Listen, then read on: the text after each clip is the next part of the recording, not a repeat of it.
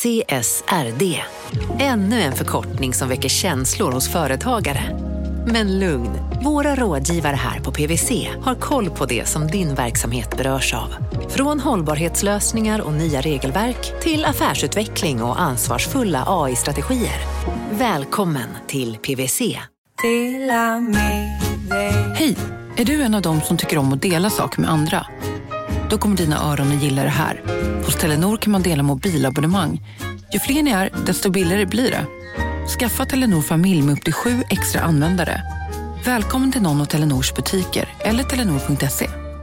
Välkomna sommaren med att...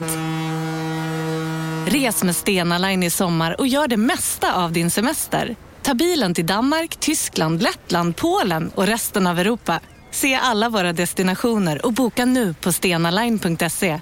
Välkommen ombord!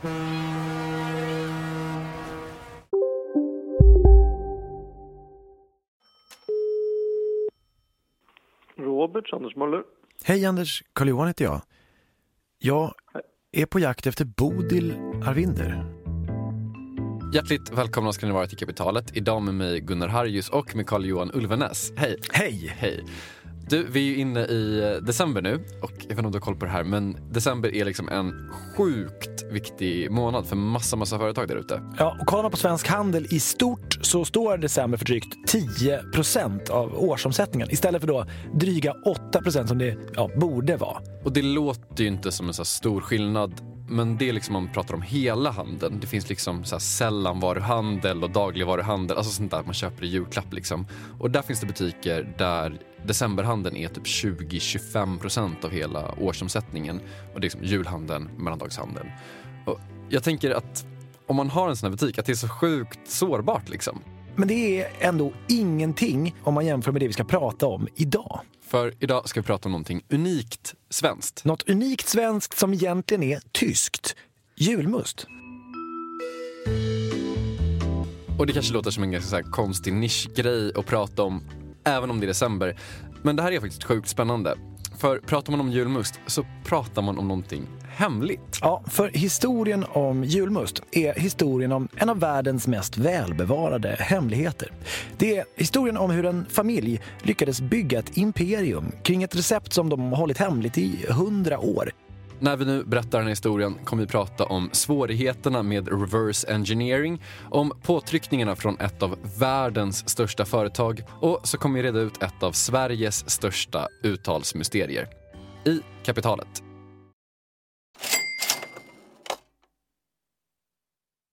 Vi sponsras av Storbrand Asset Management som ju förvaltar över 1000 miljarder norska kronor, bland annat för SPPs eh, många pensionssparare.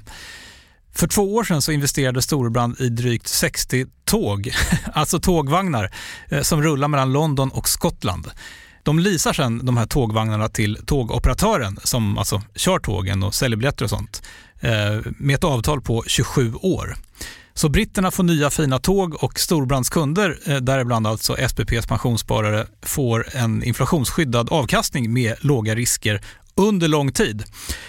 Det här är ett av supermånga exempel på hur pensionskapitalet i växande omfattning bidrar till att bygga samhället och inte minst till att klara klimatmålen.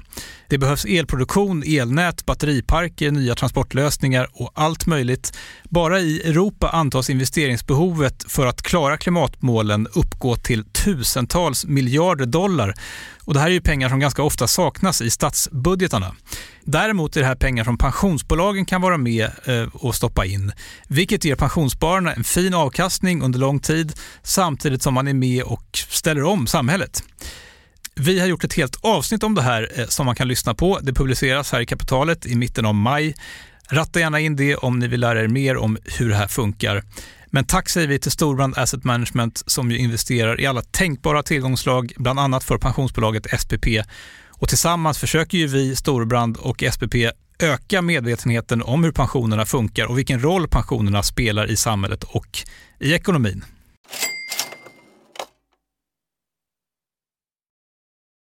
Okej Carl-Johan, julmust. Yes. För att man ska förstå någonting om det här och varför det ens är värt att prata om så måste man förstå en grundläggande sak. All julmust som säljs i Sverige utgår från en essens som tillverkas av ett familjeföretag i Örebro. Och dit har du begett dig. Det har jag inte. Jag måste erkänna att jag är lite, ja, lite besviken om jag ska vara Ja, men om man har byggt ett imperium byggt på att hålla en hemlighet så kan man inte låta journalister klampa in hur som helst. Okej, så nära får ingen gå. Så nära får ingen gå. De här hemlighetsmakarna gick med på en kort telefonintervju med i förväg godkända frågor. Och jag har ju ingen journalistisk integritet, så det är det vi har. Eh, Men jag tänker att vi spar på den godbiten. Man kan ju tänka sig att de faktiskt har typ goda anledningar att vara lite hemlighetsfulla. Ja, men de har kanske det.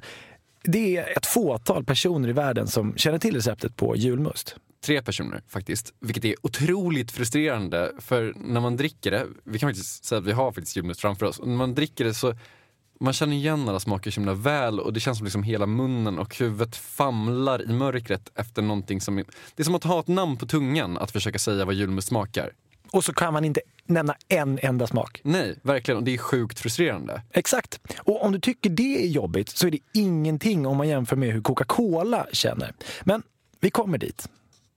För att försöka berätta historien om den här svenska dynastin och smaken som varje jul sitter som inångad i den svenska folksjälen så börjar vår historia i Syrien.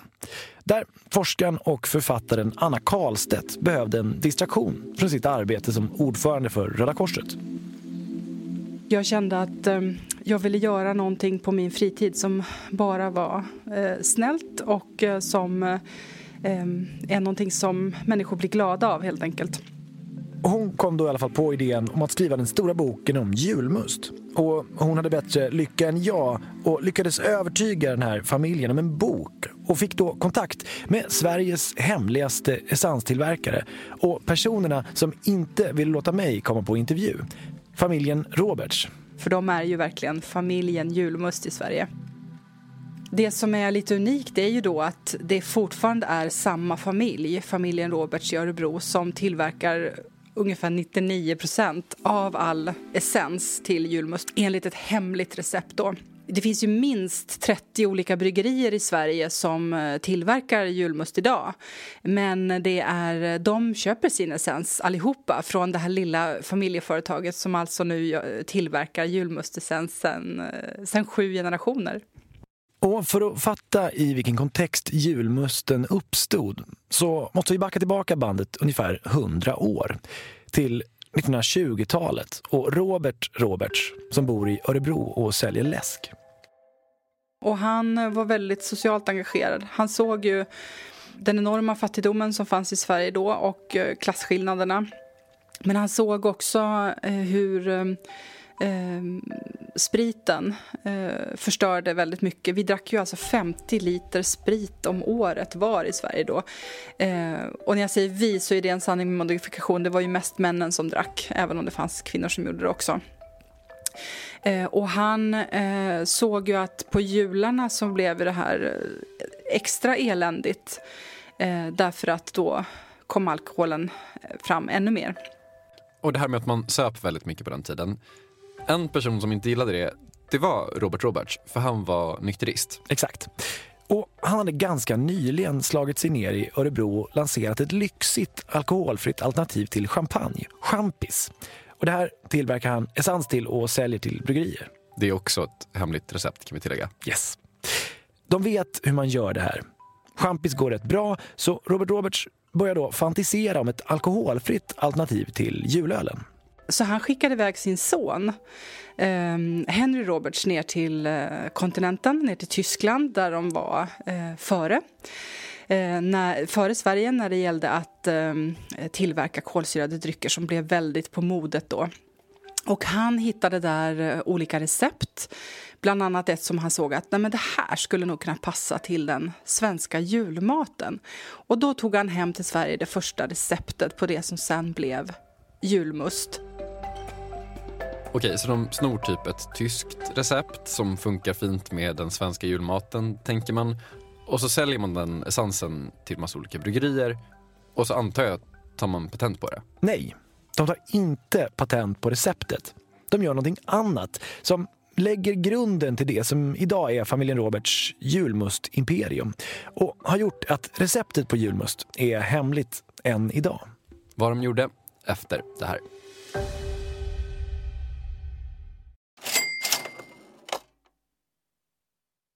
Kapitalet sponsras av Master Exchange, plattformen där du som privatperson kan investera i låtar och får pengar varje gång de här låtarna spelas.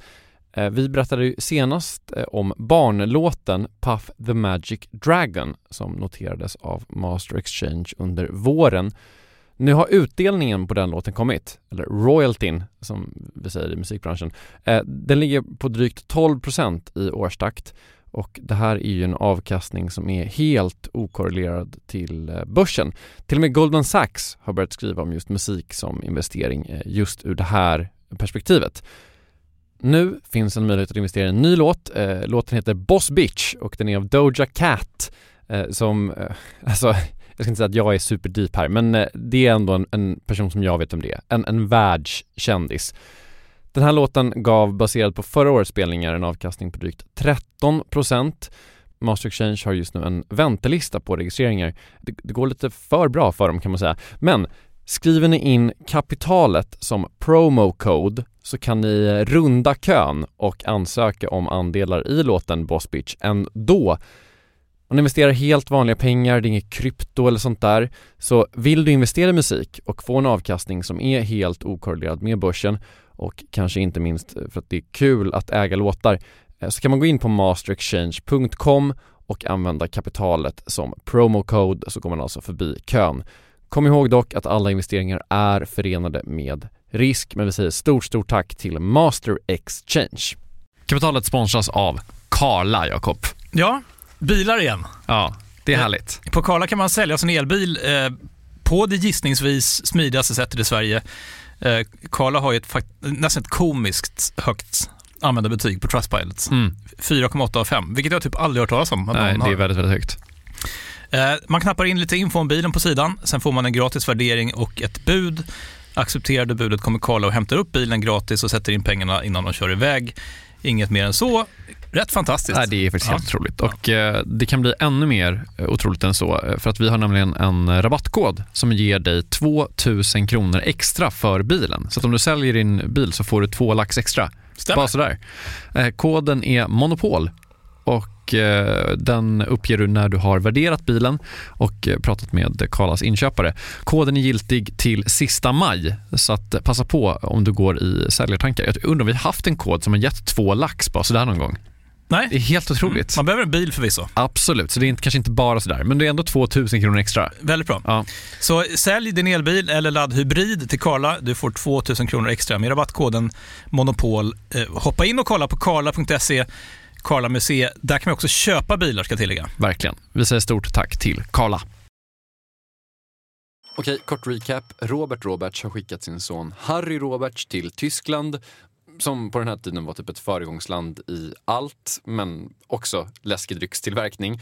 Harry kom hem med ett recept som sen blev det här julmustreceptet som vi alla känner till. Eller som ingen, ingen känner, till. som ingen känner till ja. men som alla typ känner igen smaken om kanske man ska säga. Och det är här som liksom familjens stora genidrag kommer. De tog inte patent på det. Och det låter ju inte som ett genidrag. Var, varför tog man inte patent det på det? Det låter ju superdumt. Men ja. så här, patent är superspeciellt. Poängen med ett patent är att den som kommer på något ska kunna tjäna en hacka på det. Typ att man ska uppmuntra folk att komma på grejer. Exakt. Men patent gäller inte för alltid. Lite beroende på vad det är du kommer på så gäller de olika länge. Men som huvudregel kan man säga att ett patent gäller i 20 år. Sen blir ritningen eller modellen eller ja, receptet offentligt. Man kan alltså säga att patent är liksom en belöning som en uppfinnare får för att sen offentliggöra det så att världen ska kunna dra nytta av din typ sjukt miljövänliga motor eller någonting. Typ. Men även om julmust är en härlig grej så tänker väl familjen Roberts att ja, det kanske inte kommer att liksom rädda världen. Så man tar inte patent. Istället behåller man det som en företagshemlighet. Och när du började prata om det här så blev jag supernyfiken på typ vad en företagshemlighet är. Eh, så jag började kolla på Patent och registreringsverkets hemsida över hur det här funkar. Och företagshemlighet är liksom ett alternativ till patent kan man säga. du får hålla det hemligt hur länge du vill. Och under lagen om företagshemligheter så står liksom julmust som exempel. Det är liksom företagshemligheten med stort F. Vad är ett exempel på en företagshemlighet? Julmust. Exakt. Men jag tänker liksom att det kan ändå inte vara omöjligt att på något sätt här reverse engineera det här receptet. Alltså om man typ sätter så här 100 kemister på det här som så här, jag menar, bryter ner det på molekylnivå eller någonting och försöker ta reda på det. Så måste man typ kunna fixa det här. Men är det liksom då olagligt? Nej, det är det inte. Och Det här är liksom baksidan med företagshemligheter. Folk, folk får liksom, man kan lista ut någonting. Och Det här kan du ta mitt ord på, men du kan också ta... Mats Nordenborg och jag är jurist på Patent och registreringsverket. Enligt lagen om företagshemligheter är det inte olagligt att lista ut saker och ting. Eh, det är inte förbjudet. Eh, däremot så räknar man upp vilka saker som är förbjudet. Inte olagligt att eh, lista ut alltså?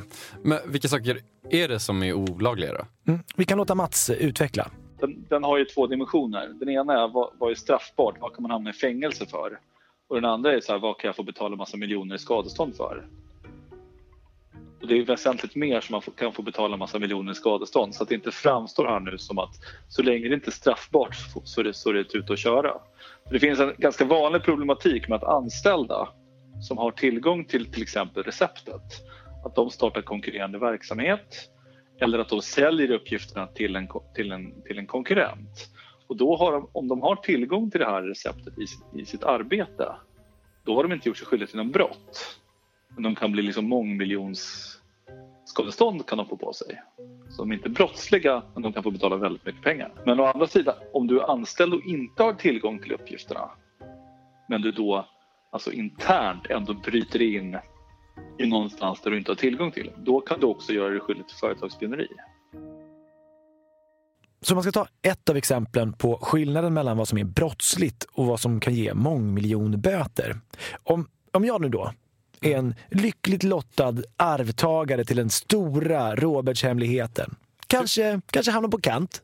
Ja. Kanske finns ett litet bråk. Visst. Kanske ett syskon som är mer älskat än den andra. Kanske en hemlig tvilling. Ja. Jag spånar. Du spånar. Du har tänkt ganska mycket på det här. Jag har tänkt ganska mycket på det här. Ja. Om jag känner till det här hemliga receptet och jag sen börjar starta en konkurrerande verksamhet, då är jag inte brottslig. Men jag kan få betala liksom med näsan för att jag får så höga böter. Men om jag däremot bryter mig in med liksom fiffel och kofot och snor receptet, säljer det vidare, då är det företagsspioneri. Och det är olagligt? Det är olagligt. Men det här är alltså då ett av flera exempel. Känner man till företagshemligheter, jobbar man på ett företag med företagshemligheter, man kommer inte komma undan med att sno det här. All right. Men jag tänker typ om vi tänker liksom bara rent hypotetiskt på olika företag som kan finnas bara generellt. Till exempel svin, svinstora läskföretag som också har röda etiketter.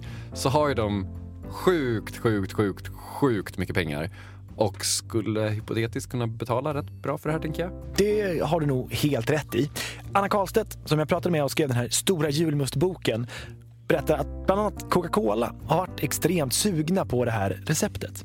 Ja, Coca-Cola gjorde ju ett försök, eh, eller flera, att eh, få köpa eh, företaget eller receptet, men fick inte det. Och då gjorde ju det företaget ett eget försök att tillverka en egen julmust som kallades för bjäremust.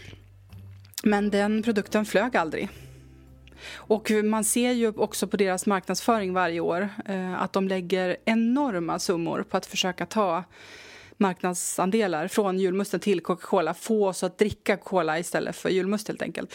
Eh, men det går ju inget bra utan eh, eh julmusten ligger väldigt stabilt och eh, ökar tvärtom eh, försäljningen från år till år. Och det här måste ju röra sig om liksom Joakim von Anka mycket pengar. Alltså hemlighetsfulla as they are så vill de ju inte säga hur mycket eller ens liksom bekräfta att det är specifikt kola. Men det rör sig om håll käften mycket pengar. Jag fick inget svar på det, men jag förstod att det var eh, astronomiska summor som det var tal om. Det familjetaget har ju en väldigt stark integritet och eh, vill inte prata så mycket om det. Men de bekräftade att de här försöken hade gjorts, och, eh, men att de var helt ointresserade av den typen av profit, så att säga. Utan att det var viktigare att behålla det som en, en, ett familjeföretag och att verkligen värna traditionen runt julmust och också det här småskaliga.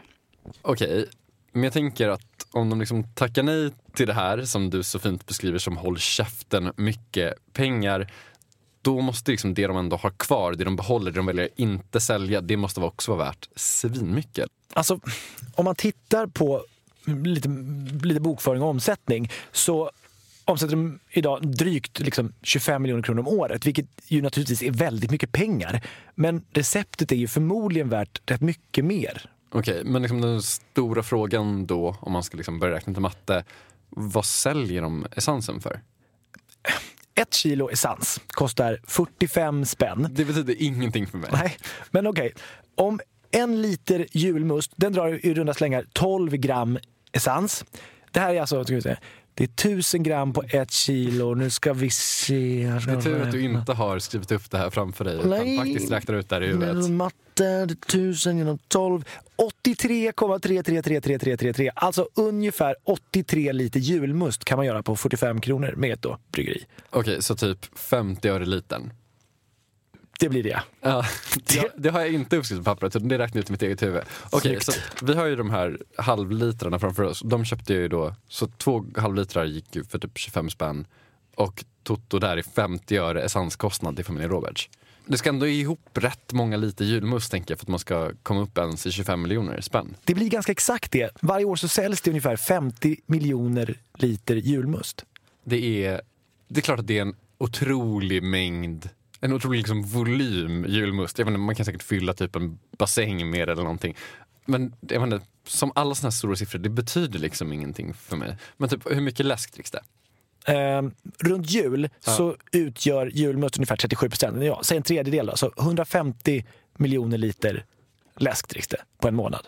I det, december månad. Det är sjukt. Det är ju då en dryckesmånad också, så det kanske är lite över snittet. Men det, det är jättemycket. Men okej, så här.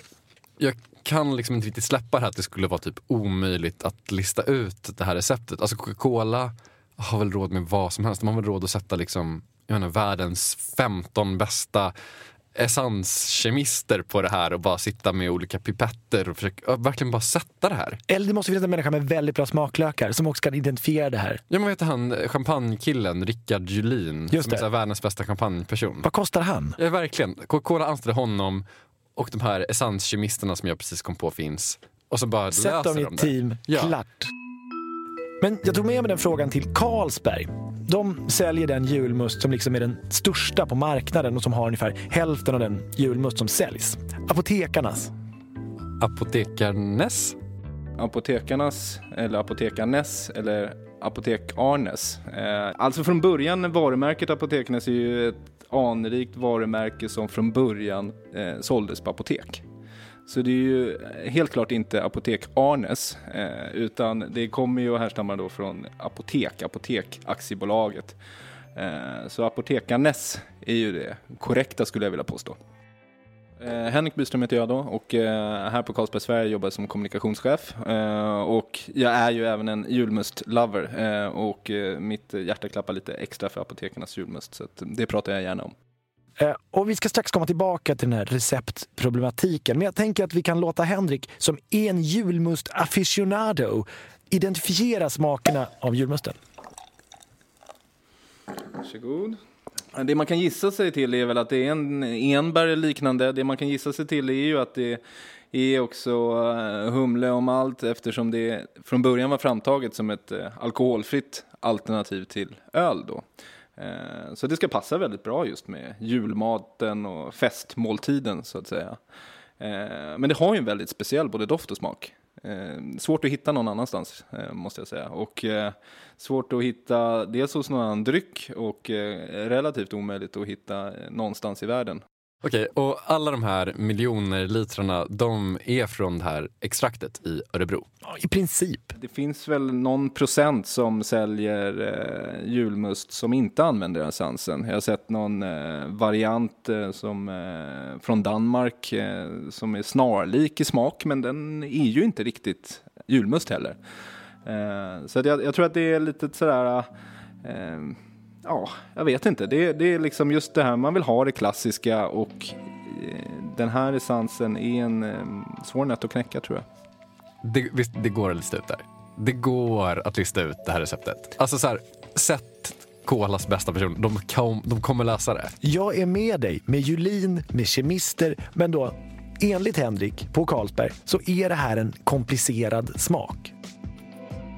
Det är någonting som är väldigt unikt i själva essensen som är ja, svårkopierat helt enkelt. Okej, jag är liksom inte helt såld på att den här smaken skulle vara liksom så speciell att det inte går att, att skapa. Man kan liksom identifiera typ intermolekylära elektronkrafter. Ja, jag googlade på det minsta man kan identifiera i världen. Men okay, det kan man identifiera, man måste kunna fixa den här musten. Men en annan fråga jag hade är liksom, hur funkar det här med staten, med Livsmedelsverket? Måste man liksom inte registrera vad man har i ett livsmedel så att någon ja, typ staten har koll på det här. Så att det liksom inte är den här magiska X-faktorn som inte Henrik kan identifiera är typ kvicksilver eller någonting. Att den svenska vinterdepressionen inte alls har med mörker att göra utan det är en märklig dopamindödande kemikalie i julmust. Ja men typ. Och då frågade jag Livsmedelsverket och de sa att, det här är så sjukt, men livsmedelsenheten på Örebro kommun, eh, de får om de vill liksom begära ut receptet när de gör så här en livsmedelskontroll. För att de har liksom rätt att begära ut allting som de upplever att de behöver för att kunna så göra, en, ja, men göra en utredning om liksom allting går rätt till på en fabrik av den här typen. Och? Och jag ringde till Örebro kommun och de skickade en livsmedelsrapport till mig. Och vi har alltså löst det här! Det stod ingenting om receptet. Men nu blir ju jag den som är besviken. Jag vet. De, det stod att det fanns humle i lokalen, men det visste vi ju mm. redan sen innan. Men liksom, även om det hade stått någonting om receptet i den här visserligen typ tresidiga rapporten så hade det liksom sen sekretessbelagts när jag hade eh, fått tag i den. Men i teorin kan det alltså vara så att det inte bara är tre personer som vet om receptet på den här essensen utan att det är fyra. Ja. Tre generationer bryggmästare Roberts och Gerd Holm på Livsmedelsinspektionen i Örebro.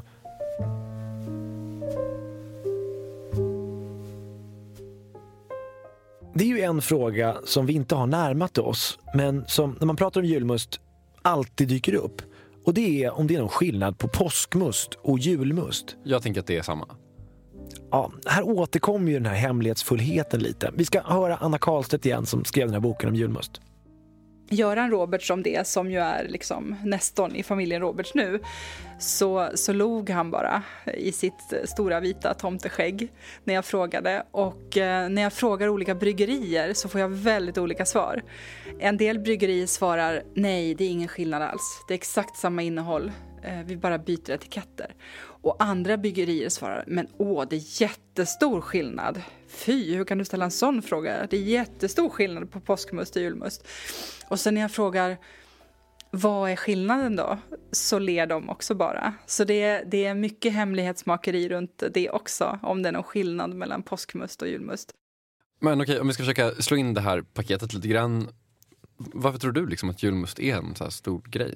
Alltså dels, min, min känsla är så här.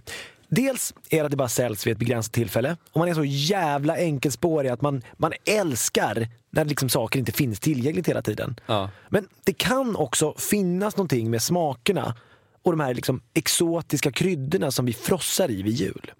Jo, men att vi tycker så mycket om saffran till exempel. Saffransbullar, det var ju en otroligt exotisk krydda. Um, och att vi eh, älskar kanel, eh, kryddnejlika ingefära och så vidare. Som vi har i många bakverk, men också maträtter runt julen. Men också eh, ofta finns i, i julmusten.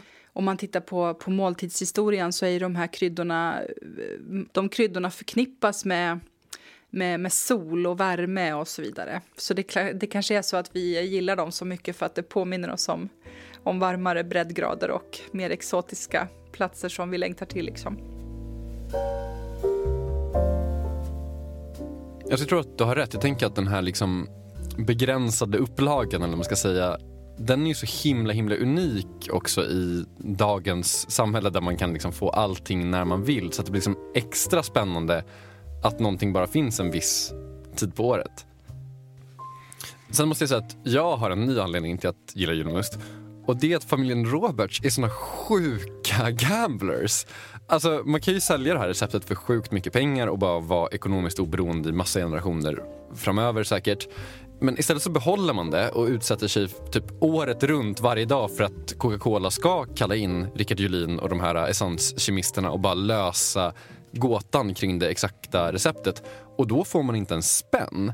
Och sen skulle ju Cola såklart bara preja familjen Roberts av banan totalt. Men de bara spelar det här så sjukt kallt och jag tycker det är så jävla coolt verkligen. Men jag tänker att liksom, det borde finnas så här sjukt, alltså Sveriges bästa säkerhetssystem borde finnas på den här fabriken i Örebro. Det är ju absolut den sanningen som borde finnas. Kanske är det så att de inte ens har en säkerhetsrutin utan de bara inte har skrivit ner det här receptet. Det kommer vi inte få svar på. Men nu kan jag äntligen komma med den här belöningen som är då intervjun med Roberts på telefon. Ja. Eh, företaget drivs idag av en kvinna som heter Bodil Arvinder. Hon är dotter till Göran Roberts som fortfarande finns kvar lite i bakgrunden. Hon är sjätte generationen och hennes son jobbar också på företaget vilket gör honom till den sjunde generationen. Och Hon vill ju som sagt inte svara på så mycket men jag kunde liksom inte låta bli att fråga om hur de har lyckats hålla det här receptet hemligt. Det är att det bara är några stycken som känner till det hela receptet. Vissa delar i receptet är det bara Göran som äger företaget och jag då också min son som också jobbar här som är inom familjen. Det är bara vi som har tillgång till alla delar av receptet. Just det, det, fanns, det finns någon eh, hemlighetsfull eh, kassaskåp, är det så? Ja, det finns någon gammal receptförvaring i ett, i ett kassaskåp, ja. Men okej, är det alltså på riktigt typ ett gammalt kassaskåp? Alltså jag tänker liksom en så här Frans Jäger. Ja, exakt, från Jönssonligan. Det är det som står mellan familjen Roberts och typ, jag vet inte, världens största företag som förmodligen skulle göra ganska mycket för att komma åt det receptet. Antingen det eller att de helt enkelt inte har det nedskrivet men säger att de har det för att liksom, ja, throw some shadow och peka åt ett annat håll. Ja, oavsett så har de The ju... prestige. Ah, Okej, ja, jag fattar. Oavsett så har de ju verkligen nerver av stål. Och med det så är kapitalet slut för idag. Carl-Johan, tack så jättemycket. Tack Gunnar. Vi är tillbaka igen om en vecka. Följ oss gärna på Instagram. Gör du det Carl-Johan? Mm, ja. Kul. Där heter vi i alla fall att kapitalet. Då kan man lajka och kommentera och sånt där. Yes. Hej då. Hej då. Jag, jag fick lite olika svar där. Eh, någon i familjen sa att den finns, eh, receptet finns i rent fysisk form men inlåst i ett kassaskåp. Och någon annan sa att eh, receptet finns bara i huvudet på ett par människor i taget i familjen helt enkelt.